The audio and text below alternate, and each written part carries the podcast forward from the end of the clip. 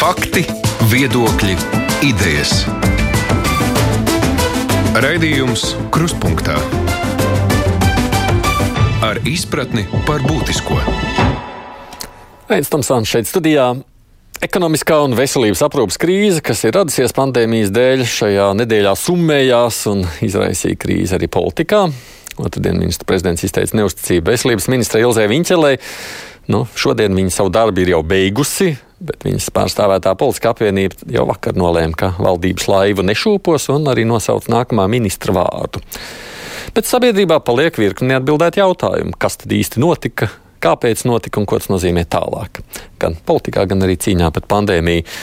Cik no daudz mēs spējam uz tiem jautājumiem atbildēt un kāda analīze vispār ir iespējams veikt, lai runātu par notiekošo, esam šoreiz aicinājuši studiju vairāku jomu ekspertus. Solita Olsen, kas ir Latvijas Universitātes medicīnas fakultātes asociētā profesora, ir ne tikai ar medicīnisko, bet arī ar juridisko izglītību un pārstāv arī ģimenes ārstu interesi šeit Latvijā. Labdien jums!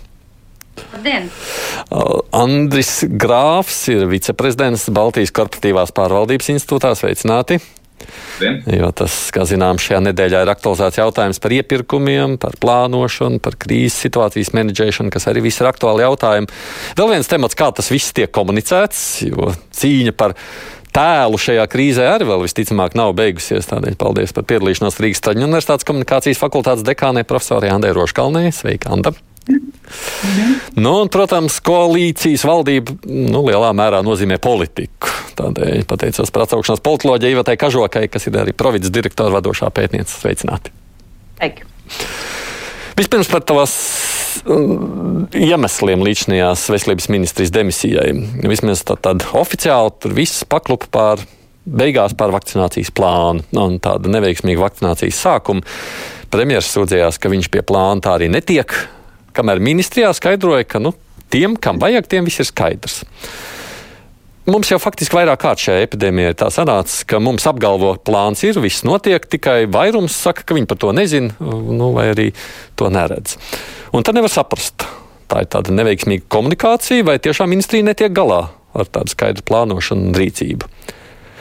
Ja es pareizi saprotu, tad ģimenes ārstiem arī nekādas īsti skaidrības par vakcinācijas plāniem nebija. Taisnība, Balsens kundze?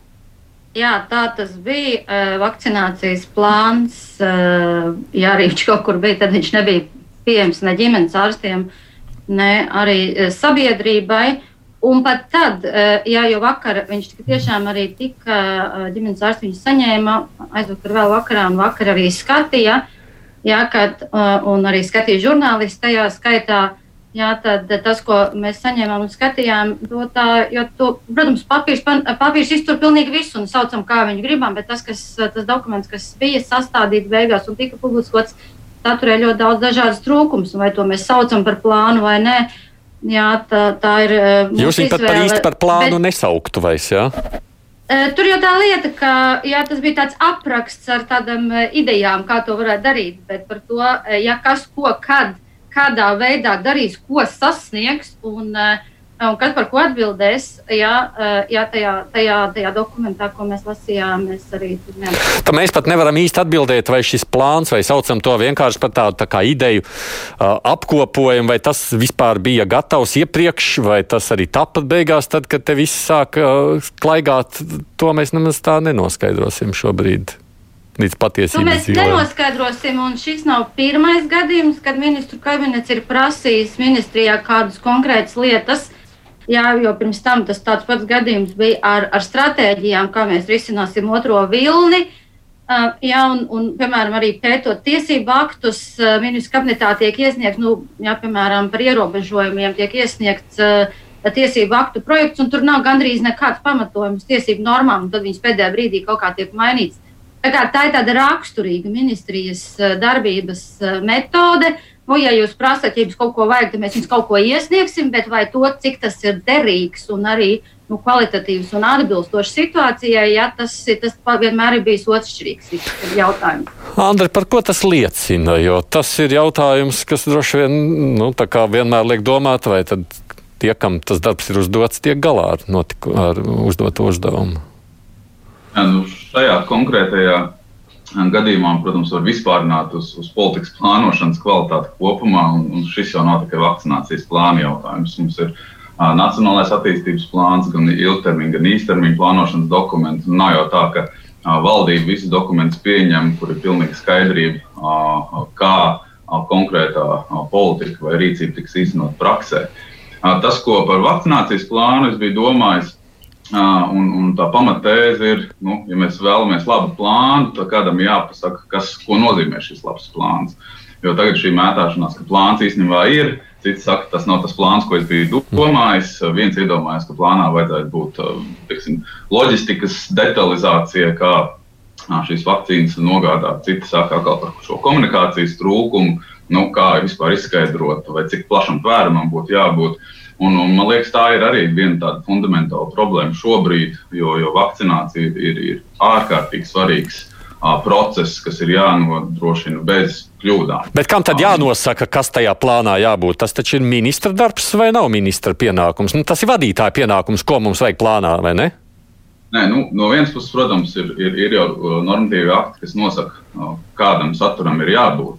Un, un plāns tas ir tiešām īstermiņa aktivitāšu kopums, uh, un šīs sadaļas ir, ir, ir definētas. Šajā brīdī es domāju, ka tam vajadzētu būt diskusijai valdībā, ko nu, koalīcijas partneri, ko epidemiologi un eksperti vēlētos redzēt, lai visas šīs atbildes jautājumiem būtu. Un, un, ja ir pieminēts 500 ārstu prakses, un nav nevienas vārds par to, kādā veidā nu, šīs vakcīnas kaut vai tiks nogādātas, ņemot vērā šo temperatūras vai, vai glabāšanas principus, tad tas ir pamat, pamata, nu, pamatots jautājums, tad kā tas īstenībā notiks. Kā, nu, es to liktu atpakaļ uz uz valdības diskusiju, nu, kur, kur, kur šim saturam, vai detalizētībai, tvērumam būtu jābūt izrunātam iepriekš, lai būtu arī skaidrs mandāts veselības ministrijai. Ko tālāk darīt?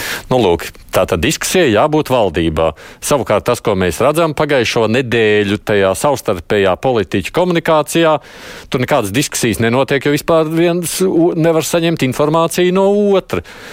Uh, Iveta, nu, tīri kā politoloģija skatoties uz to, par ko tas nozīmē, tā ir tāda partijska greizsirdība, nu, ka, viņa, nu, nu, ka nevar nonākt pie tādas, kā, nu, kā mēs līdz šim runājam, gan loģiskas kā lietu kārtības.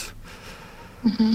Es domāju, ka šeit tomēr uh, ir runa par personību atšķirībām. Uh, Um, proti, nav jau tā, ka valdībā uh, Ilza Viņķela bija vājākā no ministriem. Es teiktu, ka noteikti nē, bet nu, tieši viņai un uh, premjeram bija īpaši grūti sastrādāties. Kā mēs redzam arī no abu publiskajiem izteikumiem, tas nu, vakcinācijas plāns bija tāds pēdējais piliens, bet nu, situācija bried diezgan ilgu laiku. Līdz ar to man, man ir cerība un arī paļāvība, ka varbūt šādi atrisinot nu, šo situāciju, ka ministrs tiek nomainīts, nu, turpmāk, nu, turpmāk nu, tāda līmeņa domstarpības valdībā vairs nebūs. Tā kā es nedomāju, ka šeit ir runa par politiku vai par politiskajām greizsirdībām vai cīņām skatoties uz visu notikumu kopumu, vienkārši Kariņam un Viņķelē bija ļoti atšķirīgi viedokļi par to, kā reaģēt uz šo krīzi, cik proaktīvi, kas ir plānošana, cik ātri un nopietni viņai ir jāgatavojas. Un, nu, šīs atšķirības viedokļos droši vien nevarēja atrisināt savādāk, kā vienam no viņiem aizejot no savām matām. Nu, kas man liktu domāt, ja jūs līdz šim trīs sacītajā, ka tā problēma varbūt ir tāda, ka tad ministrija teica, nu labi, skatīsimies no situācijas, paliks sliktāk, domāsim, lemsim, kā tālāk rīkoties. Un, un tādas premjeras vēlme atkal ir mazliet iet tā kā notikumiem pa priekšu un saka, cīt, nē, nē, nē, mums vajag laicīgāk izdomāt un tad lemt. Tā? Nu, Spriežot pēc tā, ko abas amatpersonas saka publiskajā telpā, un arī tas, kā risinājās notikumi, tā arī, ap, tā arī ir bijuši, ka tur ir vienkārši kaut kāds fundamentāls uh, nesaprašanās starp premjeru un veselības ministru, ministri par to, ko darīt šādā situācijā, vai vajag visu izplānot un ļoti kā, proaktīvi, saulaicīgi, vai tomēr sekot līdzi notikumiem un mēģināt uz vietas labāk saprast, kā visefektīvāk gan vakcinācijas plānu īstenot, vakcinācijas procesu īstenot, gan arī, nu, taksim, kā kādus ierobežojumus noteikt. Un ja šīs pretrunas nerisinās abu amatpersonu savstarpējās diskusijās, un kā mēs saprotam, nu, ka tās diskusijas vienkārši kaut kādā brīdī nu, pārtrūka, nu, tad nav, nav, nav, nav citas izējas. Tad tiešām ministrs ir jāmaina. Es pieņemu, ka Viņķela un Kariņš varētu strādāt uh, kādā citā valdībā kopā, kaut kādās citās pozīcijās, bet šajā valdībā, nu, acīm redzam, tas aizgāja pārāk destruktīvi. Te pašā, jā, sakiet, Andri. Jā, nu, es, es turpinot uh, Ivetu šo tēzi, nu, es viņu saliku tiešām, ka, ka šīs pretrunas, kā uz tām var skatīties, ka no vienas puses ir, ir, ir pareizi ieklausīties epidemiologu un ekspertu viedoklī. No otras puses nav pareizi plānot uh, valdības lēmumus bez nu, skaidriem scenārijiem, bez uh, saulaicīga, saprotama, prognozējama plāna gan uzņēmējiem, gan sabiedrībai kopumā. Uh, ir, ir pareizi, ka valdība pieņem nu, izšķirošus lēmumus, bet atkal šī kritika vai, vai ir tā, ka šie pēdējā brīža lēmumi ir, ir nekonsekventi, par ko ir pamatot pārmetumi no, no dažādiem uh, spēlētājiem. Uh, Ir arī pareizi, ka veselības ministrija ir vadošā loma šajā pandēmijas ierobežošanā, bet nu, tas, kas droši vien nav pareizi, ka tiek sagaidīts, ka veselības ministrija nu, izdomās visus risinājumus visās nozarēs. Mēs runājam par ekonomiku, mēs runājam par labklājību, mēs runājam par izglītību, kultūru un, un, un tā. Līdz ar to nu, šeit es redzu šo fundamentālo atšķirību, vai mēs ejam uh, dienu uz dienu, nedēļu uz nedēļu, ieklausoties, ko saka eksperti un pieņemt attiecīgus politiskus lēmumus, vai arī to plānot saulaicīgi, plānot tā, ka visas iesaistītās puses arī zina, nu, kādas būs sekas un ar ko vajag gatavoties. Nu, tad premjeram vajadzīga tā informācija, lai viņš varētu šādā veidā to vadīt. Nu, absolūti. Un, un ja tikai 27. oktobris, kā mēs zinām, ir datums, kad šie scenāriji tika apstiprināti no atkarībā no, no šī riska, kā pandēmija atti, attīstīsies, nu, tad, tad es teiktu, ka tas ir ļoti vēlu. Un, un, un attiecīgi visi atbalsta pasākumi, šis līdzekļu piešķiršanas temps, kas ir lēns un, un nesaulaicīgs, ir vienkārši sekas tam nu, lēmumu pieņemšanas modelim, kas, kas, kas tika izstrādāts. Un, un šeit ir droši vien tā diskusija vietā, vai tā ir veselības ministrija, nu, kuram tas būtu jādara, kurai tas būtu jādara vai tas ir premjerministrs, kur ir uzdevums koordinēt un sabalansēt šīs in, dažādas intereses, dažādos scenārijus starp dažādiem nozaru spēlētājiem. Un nevar būt tā, ka pārējie ministri ir tie, kas vienkārši ieklausās un, un, un uh, apstiprina šo lēmumu. Nu, tad tam iniciatīvai jānāk arī no citiem ministriem. Alsens kundze būs vēl runa par plānu un par visām šīm lietām arī runāsim, bet uh, man gribas arī jautāt šajā situācijā Andai kā cilvēkam, nu, kurš lielā mērā pārstāv nu, to žurnālistisko lauku. No, kā mums raksta Ainārs šobrīd, nu, tā ir, ka neviens ka neredz visu laukumu. Tāda ir tā sajūta šobrīd. Tad, kas notika vakar un aizvakar, mēs redzējām, ka būtībā sabiedrība tika sadalīta divās daļās. Viena par Kāriņu, otra par Viņķeli. Un izveidojās gandrīz vai tāda savstarpējā nezinu, cīņa, kura pusē simpātijas ir vairāk. Kā tas izskatās tīri no tāda komunikācijas viedokļa, tas, kas ir noticis šajā nedēļā? Ai, no komunikācijas viedokļa ir, ir redzams tas, ka ir tukšumi. Tajā stāstā pietrūkst eh, dažādas daļas un pilnīgi var redzēt, ka ir eh, nu, tādas informācijas atšķirības un īstenībā informācijas plaisa.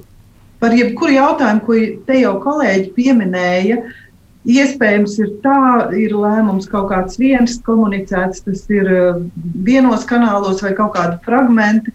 Un man faktiski grib, gribas teikt, ka tā atšķirīgā, atšķirīgie vēstījumi, tas, ka vēstījumi uh, bija fragmentēti, teiksim, kaut kāds pārmetums, bet tam nav pretī risinājums, vai, vai nav saprotams, kā tas tiks risināts, vai nav pašrefleksija, uh, kāda bija tā kļūda un kā tā kļūda tiks, tiks labota. Nu, gribas minēt to, tā, tā, to ko pandēmijas laikā terminu izdomāja Reuters eh, žurnālistikas institūtā, tāds eh, Flečers, eh, ka mēs kļūstam tādi pandēmiski neaizsargāti, ja, jo mēs īstenībā nesaprotam, kas notiek, mums samazinās uzticība ne tikai konkrētām personībām, bet arī, bet arī nu, teiksim, pašam procesam, ko mēs redzam, diemžēl, par pētījumiem attiecībā uz gatavību vakcinēties.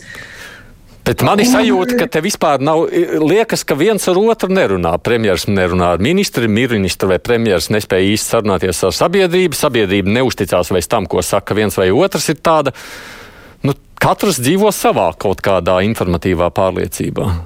Jā, ir, ir kaut kādā brīdī ir eh, notikusi attālināšanās no tā, kas bija pavasarī un pat vēl vasarā vai rudens sākumā, ka ir ar komunikācijas palīdzību un regulāru informēšanu ir iespējams panākt vienošanos un saprast arī, teiksim, man pat gribas nedaudz vai iebilst vai papildināt nu, kritikai par visiem šiem plāniem, sakot, ka visi procesi ir ļoti dinamiski, ātri ir mainīgā vidē, jāpieņem lēmumi un jārēģē. Ja, un, un tāpēc tādi priekšstati par pareizo lietu kārtību un, un nezinu, kāds tapušu plānu ir um, nu, teiksim, modificējami. Ja, un, uh, ir pazudusi tā uh, savstarpējā saprašanās, kas ļauj gan saprast kļūdas, pieņemt un kopā labot. Jo mm. klausoties tos pārmetumus, arī runājot ne tikai par komunikācijas saturu, kurā pietrūkst skaidrība, skaidri vēstījumi, labi, mēs konstatējam, mums ir problēma, tad mums ir tas plāns vai nav. Ja mums ir, tad kas mums no tā plāna, bet arī pašā formā es gribētu teikt, ka pietrūkst tas, ko mēs redzam, ko mums patīk rietumu pieredzējušo politikā redzēt tādu cieņu un pašcieņu. Es neredzēju, par padarīto darbu, kas nebija tikai Viņķels kundze, milzīgi daudz cilvēku iesaistīti, kādam būtu pateikts paldies, pat, pat, ka, bet izskan pārmetumi par kaut kādām svaigām sejām, kas visu atrisinās, un, un, un pretī tādi tādas asas salīdzinājumi un apsūdzības melos, man liekas, ka tas vēl padara vēl sliktāku to situāciju. Nu, protams, jā. Visiem ir grūti, un mēs redzam, ka tie, kuru lēmumos eh, mēs esam atkarīgi, katra mūsu ikdiena, katra minūte ir atkarīga. Vispār nes, nevar savā starpā sarunāties. Atceros savu laiku, tad, kad bija nu, gadi vēl 90, 2000. Tur politiķiem vienmēr taču sacīja, nu, labi, labi, jums jāpieņem lēmumi, bet ar vienu lietu, kad jūs kaut ko pieņemat, ir par maz. Jums ir jāspēj šos lēmumus cilvēkiem izstāstīt.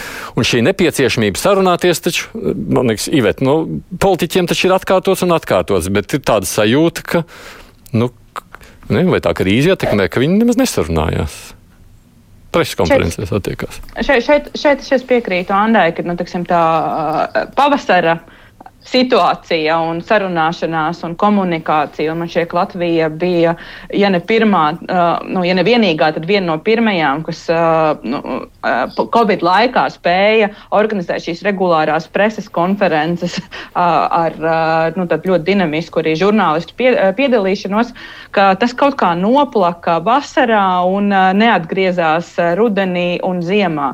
Un, Diemžēl dēļ tā, ka ministru kabineta sēde šobrīd notiek pilnīgi slēgtā režīmā attiecībā uz covid jautājumiem, ir ļoti grūti no malas skatoties saprast, kas īsti tur ir noticis. Vai tie jautājumi ir kļuvuši tik ļoti komplicēti, ka šobrīd nu, ministriem pašiem ir stipri grūtāk vienoties par ko darīt, vai arī tās konflikti ir kļuvuši, kļuvuši vairāk un ministri vairāk vēl katrs uz savu pusi, vai tur tiešām ir arī kaut kādas personiskas vai politiskas liekas nesaskaņas valdības partiju vidū, bet tas viss rezultējas ar to, ka ir šausmīgi grūti pieņemt konsekventus lēmumus, un ja nav konsekventi strateģiski lēmumi, tad, protams, ka nav arī ko komunicēt. Un tas, ko mēs kā sabiedrība redzam, um, ir nu, šis komunikatīvais hauss, un mēs paši nesaprotam kāda veida ierobežojumi uz mums kurā brīdī attieksies un kurā brīdī mēs no šīs situācijas varam cerēt iziet. Tāpat tās mums nav arī tā tādas paļāvības, ka valdība zina, ko dara.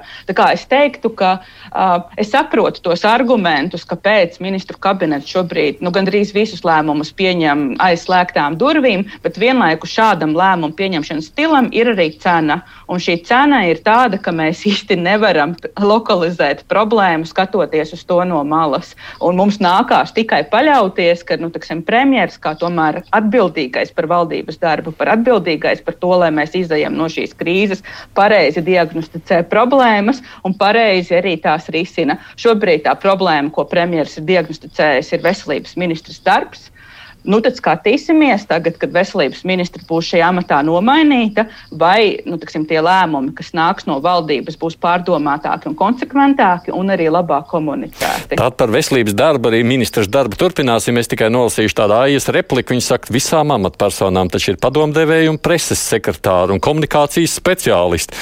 Cik tas viss izmaksā budžetam, ko viņi tur īsti dara un kurš tad atbild par to neizdarīto šādā kontekstā? Un šis ir jautājums, kas, protams, ir interesants interesants. Es teiktu, ka man arī reizēm domāju, nu, ko viņi tur dara. Nu, viņiem taču diezgan liels algas. Es zinu, kā Anna grib par to reaģēt, un tad es turpināšu ar telefonu sarunu. Tu gribēji sacīt ko? Nē, es, es domāju, ka nevajag visu uzreiz tā mētāt no vienas galības otrā. Protams, tur ir ļoti daudz cilvēku un ārkārtīgi liels neredzamais darbs. Izdarīts un, un diezgan daudz arī laba un skaidra. Un, ja tu meklē informāciju, tu arī vari atrast. Bet neviens komunikācijas speciālists nav pasargāts no tā, ka viņa nu, teiksim, atbildības vai darba e, lokā esošie kolēģi arī nu, seko tiem ieteikumiem, mm -hmm. vai, vai labo iespējams arī nu, kādā iepriekšējā komunikācijā pieļautās kļūdas. Mēs arī redzam, ka ir, ir, ir talantīgāki vadītāji un ministri vai, vai amatpersonas Un, un, un ir tādi cilvēki, kas uzņemas iniciatīvu un, un, un sociālajos medijos atver jaunu, teiksim, kādu taku komunikācijā un mēģina kaut kādā veidā sevi pasargāt vai, vai proaktīvi, vai, vai nu, izteikt to, ko varbūt valdības sēdē nav izdevies pateikt, tad to var pateikt citos. Un, un tā, par to nevar vainot tikai komunikācijas speciālistus. Nu jā, tas gan taisnība. Es Turpinot to sarunu, ko sacīja tikko arī Iveta, sakot, nu, ļoti daudz ko noteikti šobrīd veselības ministrs darbs. Pie sākotnējā jautājuma par vakcinācijas plānu es tomēr gribu mazliet atgriezties, pirms mēs ejam tālāk uz uh, notikumiem uz priekšu skatoties. Olsens kundze jau sacīja, ka nevar saprast, vai to vispār varētu saukt par plānu vai nē. Es uh, lūdzu, lai mēs varam sazvanīties šodien ar manu kolēģi Paula Raudsepa no žurnāla ir, kurš vakar bija notvītojis, sakot, ka viņš šo plānu ir pārskatījis. Pauls mūs šobrīd, es saprotu, dzird. Halo! Jā, dzirdu, sveiki! Tev bija ļoti tāds īss, man liekas, ļoti koncentrēts, bet labs tāds apskats, ko tu domā par šo plānu, ņemot vērā, ka ne visi lieto Twitter iepazīstina. Tavs priekšstats, ko tad tu secini, ja izlasot šo veselības ministrijas vakcinācijas plānu? Jā, nu, paldies, Aid, ka tev likās tas vērtīgi. Nu, es, protams, neesmu sabiedriskās veselības speciālists, bet kā žurnālists es spēju lasīt dokumentus, izgāju tam cauri un konstatēju, kas tur ir un kas tur nav. Un, nu, vienkārši kas, kas šajā plānā ir, ir prognozes par dažādu vakcīnu piegādes laikiem un apjomiem. Uz šīm prognozēm balstīts plāns, kad vakcīnu varētu saņemt dažādas sabiedrības grupas. Uh, un apraksts par dažādu vakcīnu īpašībām, uh, par to, kā to, tos vakcīnas piegādās vakcinācijas kabinetiem un kā centralizēti tiks izsekots vakcinācijas procesam. Kas, protams, viss ir nepieciešams, bet tās divas lietas, ko es tur neatradu un kas man liekas šobrīd ir ārkārtīgi svarīgas, ir pirmkārt, kurš atbild par to, ka Latvijā maksimāli daudz cilvēku tiks vakcinēti. Jo no šī dokumenta uh, izriet, ka viss tas process ir pilnīgi decentralizēts. Ģimenes ārstu, ģimenes ārsti, slimnīcas, eh, privātie veselības centri organizē vakcinēšanu, tik cik viņi norganizē, tik cik atnāk, atnāk tik arī būs. Un, diemžēl, kas mm, bija diezgan satraucoši savā ziņā, ir, ka pirmā nedēļa pēc tam, kad Latvija saņēma Pfizer vakcīnas, mēs redzējām, ka ka diemžēl šī sistēma īsti nedarbojās. Mēs saņēmām uh, gandrīz 10 tūkstošus vakcīnas.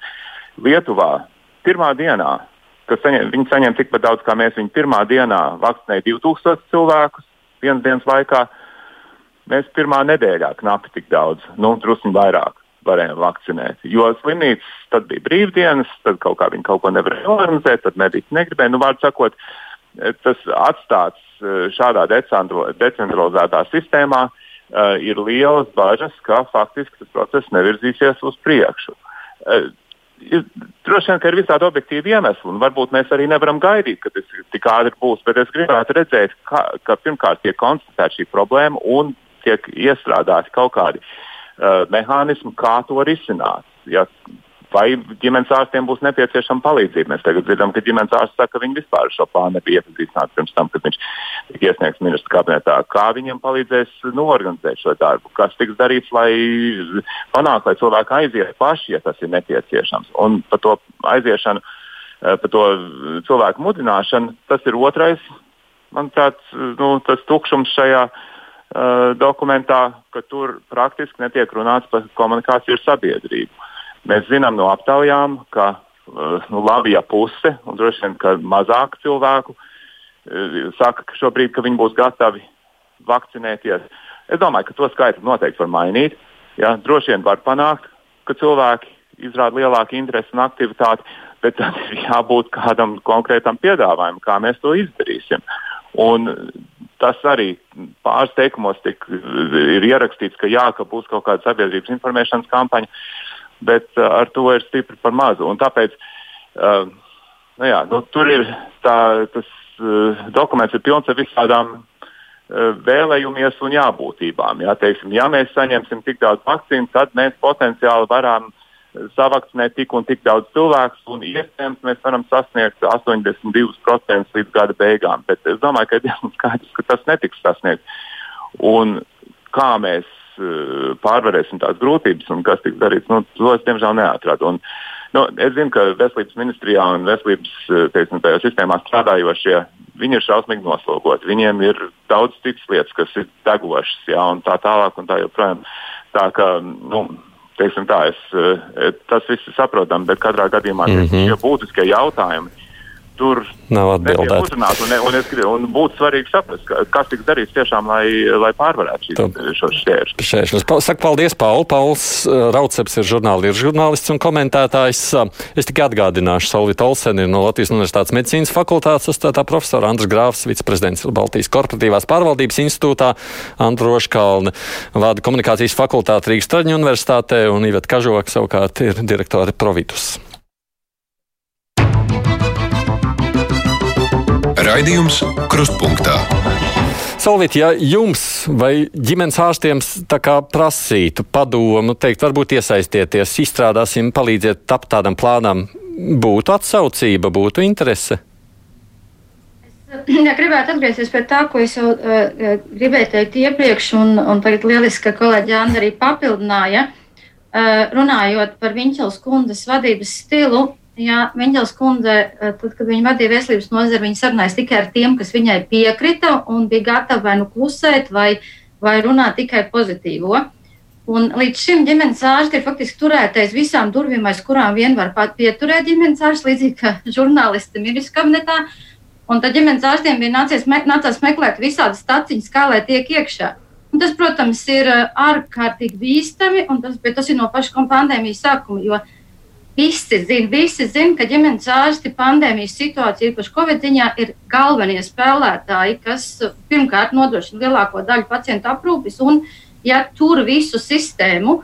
Un tas ir ārkārtīgi tuvredzīgi, un, un, un tā ir tiešām liela problēma nerunāt ar galvenajiem spēlētājiem. Protams, ģimenes ārsti vienmēr ir centušies runāt, un ir bijis arī tā, tad, kad Tad, kad uh, ministrijā ļoti vajadzēja, piemēram, uh, rudenī par, par tiem bērniem, kas aizgāja skolā, tad, kad es sapratu, ka vairs neko nevar, tad jau, protams, ģimenes ārsts aicināja, bet, bet visos citos gadījumos turēja aiz durvīm.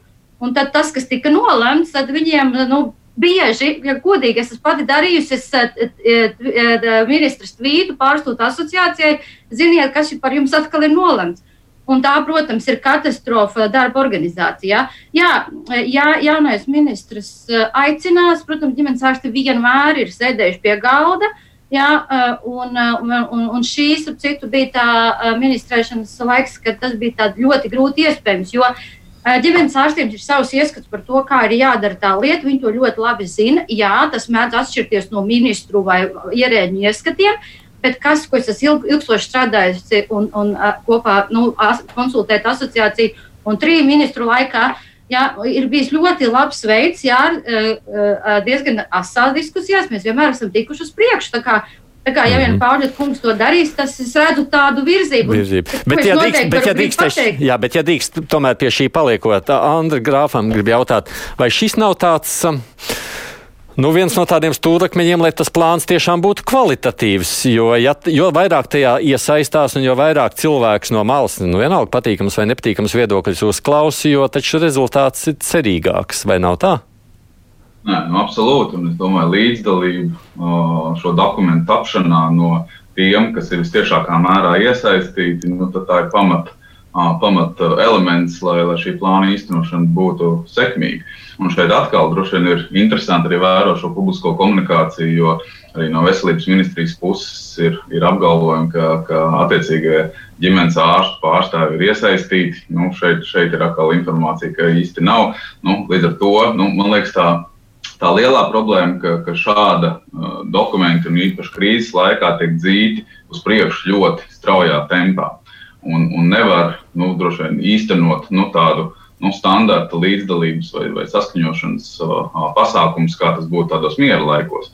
Bet, ja šīs līdzdalības nav vispār, tad, protams, tas ir ļoti liels risks, ka, uh, ka īstenošanas jau procesā būs, būs problēmas. Un to jau pierāda nu, tā praksa ne tikai saistībā ar šo vakcinācijas plānu, ar, ar preču ierobežošanu, nu, kas pēc valdības lēmuma tiek, tiek skaņots ekonomikas ministrijā, kuras preces mēs varēsim vai nevarēsim um, nopirkt veikalos, ir, ir atsevišķi arī lielo uh, veikalu ķēžu viedoklis par to, kā to var izdarīt maksimāli vienkārši. Kā, nu, tas līdzdalības moments, tas ir kritiski, kritiski svarīgs. Nu, divas Absolut. milzīgas problēmas, kuras mēs šeit esam skāruši, kas būtu jārunā šajā kontekstā. Tas ir viens stāsts par to, cik mēs iesaistām citus, ja visu sabiedrību, un otrs, kā mēs to spējam pēc tam komunicēt, ja aiznes līdz cilvēkiem. Anda.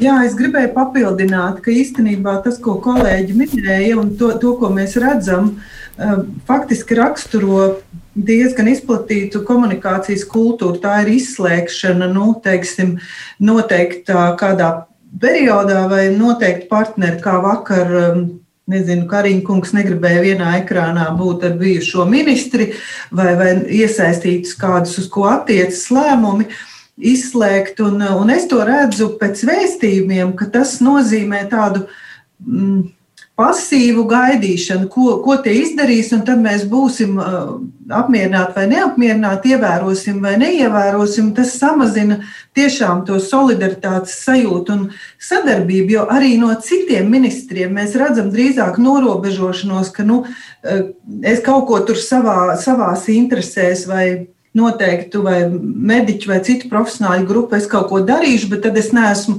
apmierināts. Bet vai tie, tā izslēgšana rada situāciju, ka mēs neesam redzējuši, ka, teiksim, labklājības ministrija redzot kādus lēmumus saistītus ar, nezinu, precēm vai, vai, vai skolu, saka, bet ziniet, ir problēma, mēs tagad pieslēgsimies, mēs iesim palīgā, mēs tagad sadarbosimies, ja mēs atbalstīsim viens otru.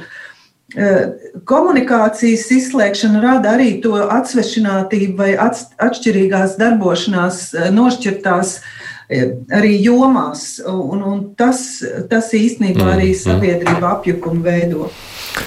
Ja skatāmies par to, kas tālāk būtu, nu, ko vajadzētu ņemt vērā nākamajam veselības ministram. Mēs šīs divas jomas esam pieminējuši.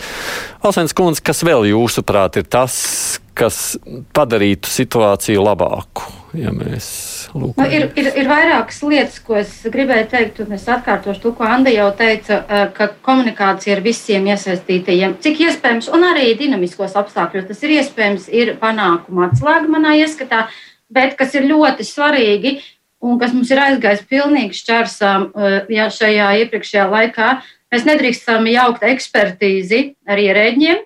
Un, un, un tas ekspertu vārdu lietojums ir pilnīgi degradējis vispār jomu, zināšanām, izpratnēm tam līdzīgi, jo Viņķels kundze visus savus ierēģus par ekspertiem ir tagad pasludinājusi, un viņi nebūtu tādi nav, un viņi darbi par to neliecina. Uh, Ja, otra lieta - mums ir jāatgriežas pie zinātnē balstītiem ieteikumiem politiķiem un pētot eh, veselības ministrijas darbību kopš pašas pandēmijas sākuma. Piedodiet, bet zinātnisku pamatojumu es tur neatrodu.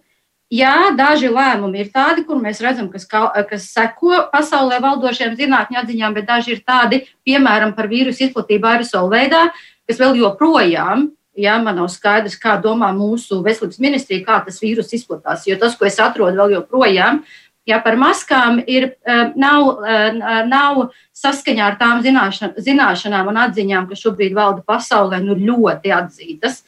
Un trešā lieta jā, ir katrā gadījumā ir jābūt atklātībai un atvērtām durvīm pilnīgi visiem. Jā, dinamiski, bet ar, aiz aizslēgtām durvīm mēs nevarēsim krīzes atrisināt, jo krīzē esam mēs pilnīgi visi. Mums ir jāsēž pie viena galda, virtuāli vai jā, drīzāk nekā, nekā šobrīd klātienē, un ir jāskatās, ko mēs katrs varam ieguldīt, lai mēs tiktu uz priekšu.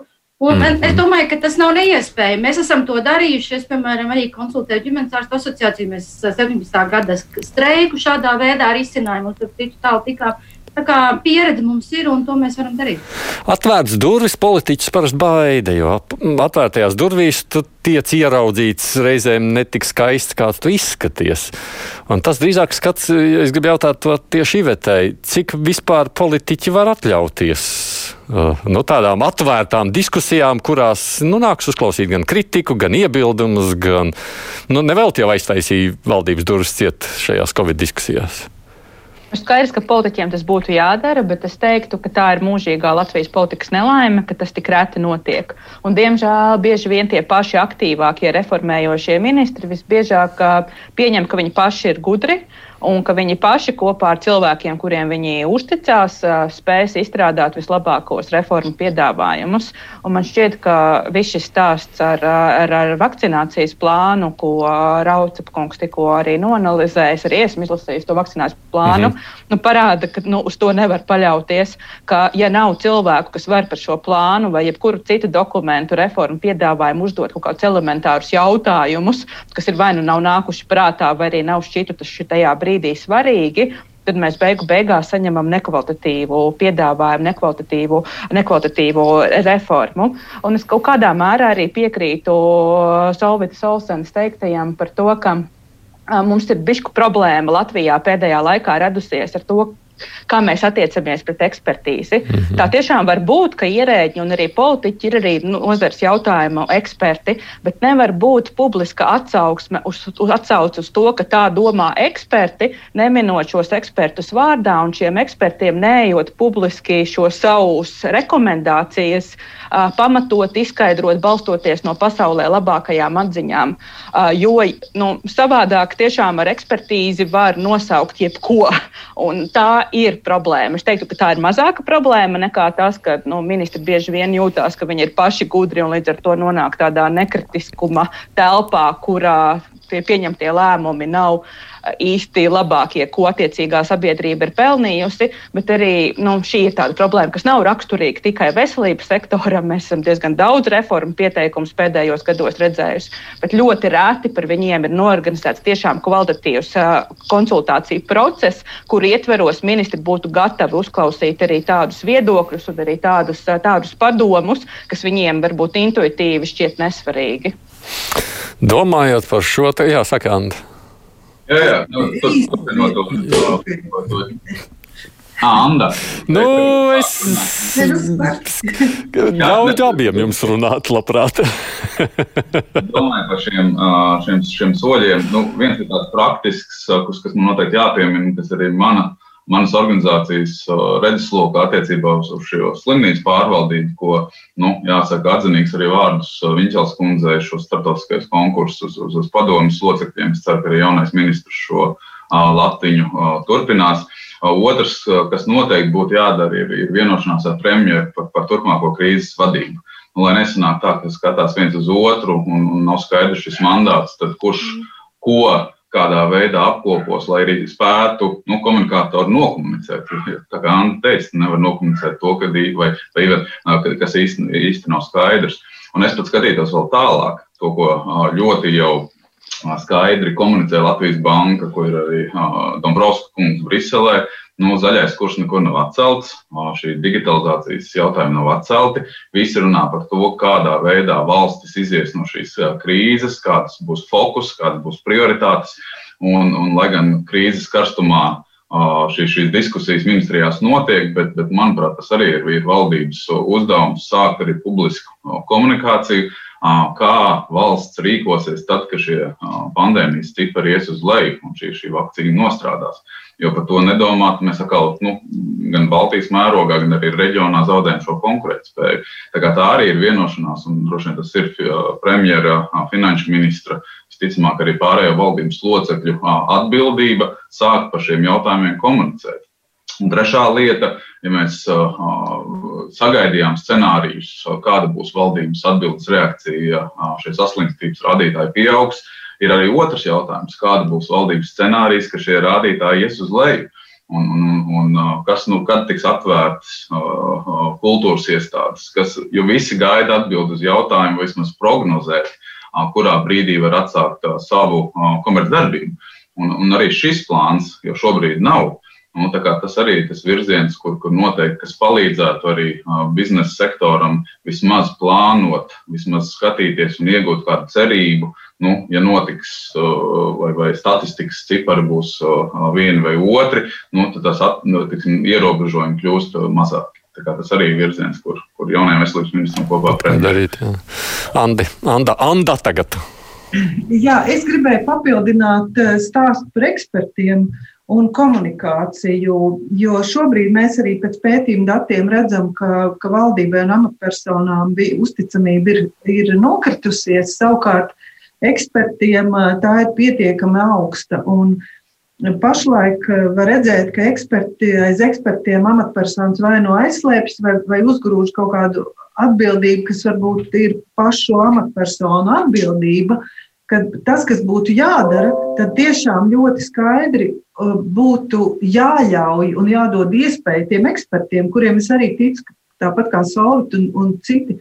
Viņi seko notikumiem un arī spēj reaģēt uz tām pārmaiņām un, un modificēt savus ieteikumus, ka, dot, ka, ka šos jaunos skaidros lēmumus tomēr biežāk un vairāk komunicētu eksperti un būtu iespējams nošķirt, kas ir tā vienošanās valdībā un kas ir ekspertīze īsti detalizēta un, un padziļināta izpratne ieteikumu cilvēkiem arī tiešām ļoti labi par tiem jautājumiem, kas tālāk, kad skolas, kuras skolas un tā tālāk kultūra. Uh, uzņēmējdarbība. Arī, arī par to jau ir gan pieredze, gan pētījumi. Jo, cik es saprotu, eksperts jau ir savā jomā eksperts, un viņš liek to, ko vajag vai nu veselības aprūpē, vai izglītībā, vai tam līdzīgi, bet priekš tam jau ir valdība, lai skatītos, kā to visu sabalansēt un salikt kopā. Un tas nenozīmē, ka viens joms eksperts var noteikt visu. O, tā tam būtu jābūt īvet. Protams, protams, un tāpēc uh, uh, Latvijā līdz šim gan eksperta loma nav tikusi pienācīgi novērtēta, bet nedrīkst arī krist otrajā galējībā un teikt, ka šeit lēmumus turpmāk pieņems eksperti. jo, nu, teksim, skatoties uz mūsu netālajām, netik tālu esošajām uh, valstīm, kā Somija un Zviedrija, abas ļoti paļaujas uz ekspertiem, bet tur atkarībā arī no politiskiem uzstādījumiem, uh, nu, tomēr uh, eksperti, e eksperti dažādi skatās uz lietām. Līdz ar to arī ir atšķirīgi šo valstu rezultāti. Ka vienā ir mazāk ierobežojumi noteikti Covid epidēmijai, bet ir stipri lielāka mirstība, otrā varbūt stingrāka, bet nu, tiksim, tā mirstība ir stipri mazāka. Tie ir politiķi, kuriem ir jāredz pilnā bilde, un es teiktu pat konkrētāk, tas ir premjeras. Tas ir premjerministrs, kuram ir nevis vienkārši jāgana atsevišķie ministri un jāskubina viņu strādāt, bet viņam ir jābūt kā, tam galvenajam stratēģim un darba koordinatoram, kurš pasaka, ka šo lietu darīs veselības ministrija, šo citi ministrija, bet kopējā komunikācija, kopējā izpratne, kopējie lielie uzstādījumi, teiksim, vakcinācija pēc iespējas ātri, lai arī ko mums tas maksā ar, visu, ar kaut kādām neordinārām metodēm, nedomājiet pa vecam, domājiet vienkārši tā, lai mēs pēc iespējas ātri varam savakcinēt visus Latvijas iedzīvotājus. Tam ir jābūt valdības politiķu premjera uzstādījumam, un to noteikti nedrīkst jaukt. Mēs nevaram vienkārši pateikt ekspertiem vai kaut vai ierēģiem, izstrādājiet kādu plānu, neiedodot viņiem lielos uzstādījumus. Jo, ja mēs viņiem neiedosim lielos uzstādījumus, viņi izstrādās plānu, kas atbilst nu, plus-mínus iemītajām taciņām, tur nebūs nekādu neordināru risinājumu un kas prasīs maksimāli maz papildus budžeta. Un rezultātā mūsu tā vakcinācija notiks stipri lēnāk nekā tad, ja politiķis būtu nāktis ar uzstādījumu pēc iespējas ātri, lai ko arī tas mums maksā. Izmantojam arī neordināras metodas, runājam ar pašvaldībām, runājam ar ģimenes ārstiem par to, kā mēs to varam izdarīt. tā, tā, tas rezultāts būs atšķirīgs. Tāpēc ekspertīzē klausīties ir ļoti labi, viņai ir jāņem vērā, bet lēmums ir un lielie uzstādījumi. Tas ir iemesls, kāpēc mēs dzīvojam demokrātiskā valstī, kāpēc mēs organizējam vēlēšanas. Tas galu galā ir politiķu lēmums. Mm -hmm. Skatoties, jūs jau vispirms esat paši četri eksperti, kas varētu būt noteikti ļoti būtiski, kuros vajadzētu ieklausīties šobrīd, es domāju, arī politiķiem. Paldies jums par to ainu, ko jūs iezīmējat, domājot par veselību, jomu, vakcināciju plānu un tādām lietām. Es gribu pēdējās minūtes, kas man ir atlikušas raidījumā, mazliet palūkoties uz to vairāk no politiskā skatu punkta, un tāpēc nāksies gribēt, negribu Ivetē vairāk runāt iespējams nekā pārējiem šīs sarunas dalībniekiem tās aizdomas, ka tur, un tos, protams, ir nākuši vienmēr aizklišas sarunās, ka iespējams tur ir kaut kādi vēl citi zemūdens akmeņi, ka partijas tur izmantos savus uzņēmumus lai, vai savus sponsorus, lai viņus atbalstītu un palīdzētu tur vai nu masku iepirkšanā vai tam līdzīgi. Cik īvet tev šķiet šajās uh, aizdomās ir vērts klausīties šī kon konflikta sakarā un cik nē? Divi aspekti. Viens ir, es Ceru un paļaujos, ka knaps valsts kontrole, citas tiesību sargājošās iestādes īpaši pievēršās šiem jautājumiem. Es zinu arī, ka valsts kontrole tiešām arī īpaši pievēršās šiem jautājumiem, un ka gadījumā, ja kaut kas tāds ir noticis, tad tas nāks, nāks klajā. No otras puses, šobrīd, nu, tiksim, kad es domāju tieši par sabiedrības, sabiedrības uzraudzību, um, mums nav sevišķi daudz iespēju. Izņemot žurnālistus, un tāpēc man ir ļoti žēl, ka tiksim, Delfos vairs nebūs uh, nu, tiksim, tie izmeklējošie raksti, kurus vadīja Jānis, Jānis Dombūrs tieši par masku iepirkumiem.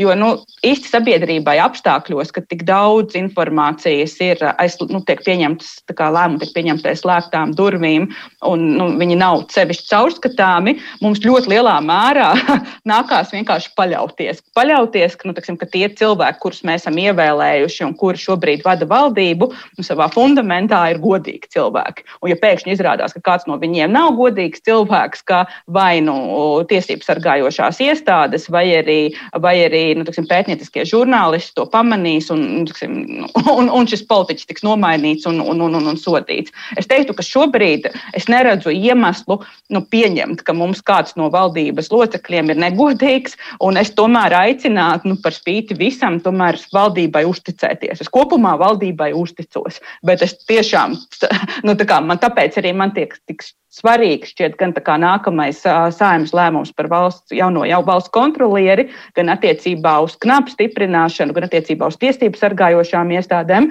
ka mēs varam uzticēties, bet tomēr ir labi, ja kāds nepārtraukti seko līdzi tam, kas aiz tām slēgtajām durvīm tiek pieņemts. Mm -hmm.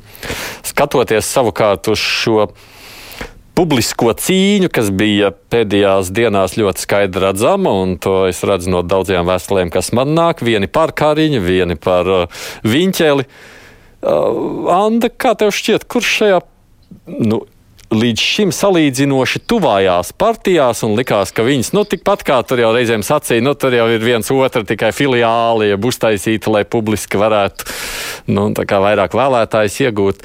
Te mēs redzam, kā viņi ir sašķēlušies. Kurš ieguvējs būs beigās šajā karā? Nu, es, es ļoti ceru, ka ieguvēji nebūs tie. Topošie politiskie spēlētāji, kas ar populismu metodēm mēģina izmantot un pievilināt vēlētājus, kuri uh, varbūt neskatās ne Ivets pie, pie, pieminētos Delfus un Domburu uh, sarunas. Es, es, es, tas, tas ir tas pamat, uh, pamat cerība, ka, ka neizdosies uh, populistiem nokļūt nu, pie varas. Tos iespējams viņi patiešām neuzrunās, bet savukārt no tādiem vēlētājiem, kuriem bijis nācies izšķirties, nu, viņam likās, nu, Kariņš simpātisks, un tā viņa jau arī nav nemaz tāda muļķa. Nu, piedodiet, ka es tagad tā saku, vai ne? Andai Rožkalnē tas jautājums ir, nu, kurš tad šeit ir tas ieguvējs šajā cīņā? Būs. Ieguvējs būs tas, kas neskatīs neskatīs tādā vienkāršotā, labais, sliktais konfliktu vai, vai, vai sacensības politikas eh, rāmītī to visu, bet komunikācijā, atgriežoties pie tā jautājuma sākuma daļas, var ļoti labi redzēt, ka sociālajos medijos un tajos medijos, kas labprāt dod, dod vārdu katram, kam ir nu, kaut kas skaismīgs, ko paziņot. Ir ļoti labi redzams, ka gan opozīcijas, gan, gan kaut kur aizkulisēs esošie, nu, nākamie, tā sakot, baltā zirgā iejājēji ir aktivizējušies, un, un eh, tā kā tā, tas nogurums nav sadalīts vien, vien līdzvērtīgi, un, un esošie pozīcijas eh, politiķi un eh, amatpersonas ļoti noguruši, tad pārējie var, var aktīvi kritizēt, un es redzu arī to, ko tu minēji, to, to teiksim, pārpret nometnes, ka tās tiek, tā sakot, tām tiek iedot atslēgvārdi un nosaukti vienkārši un skaidri vai nu vainīgie vai labie sliktie, un, un, un tiek arī piesē, nu, es šobrīd negribētu konkrētus vārdus minēt, bet tie, kas politiskajā komunikācijā arī aizkulisēs darbojas, arī pēkšņi izsaka viedokļus tādus, kas palīdz, nu, teiksim, Eh, palīdz, palīdz nu, nu, noteikt kaut kādus vērtējumus. Tas ir normāls process. Eh, normāls process, kur es redzētu, ka tiešām gan šeit, gan citur, ka, kur žurnālistika tomēr vērtē, nevis uh, vērtē, kāpēc parādās tādi izteikumi. Jo atgriežoties no pirmā, ko es teicu, es redzu, ka ir kaut kas vēl stāstā, ko mēs nezinām ir kādas ieceres un plāni, kas tiek pamazām komunicēti, kas ir saistīti ar eh, augstākā līmeņa politiku. Tā arī varētu būt. Kā tu domā, Ivet, ko šis viss politiķiem nozīmēs nākotnes perspektīvā? Atkarīgs no tā, kā Latvija izies no šīs uh, krīzes.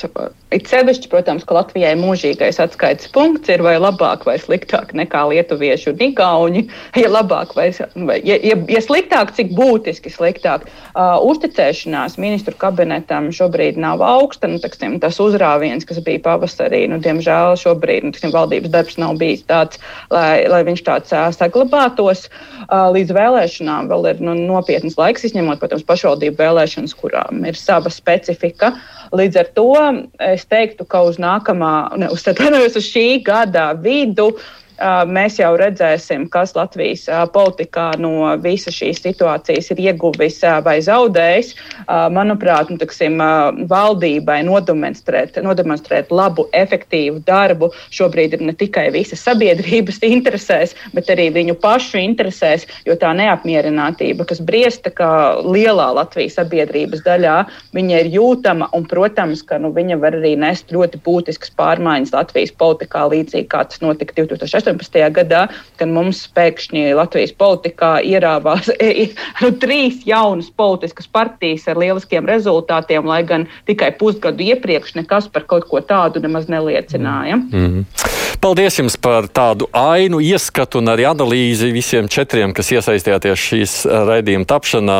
Iveta Kažoka ir provinces direktora un vadošā pētniece, Anda Rožkalns Rīgstraņu universitātē komunikācijas fakultātes dekāna un profesori, Solita Olsen, Latvijas Latvijas Universitātes medicīnas fakultātes asociētā profesora un Andris Grāfs, viceprezidents Baltijas korporatīvās pārvaldības institūtā. Paldies jums par veltīto laiku šai dienai. Bet šodien studijā Haidis Tomsons un producenta raidījumā mums ir Evija Unāma.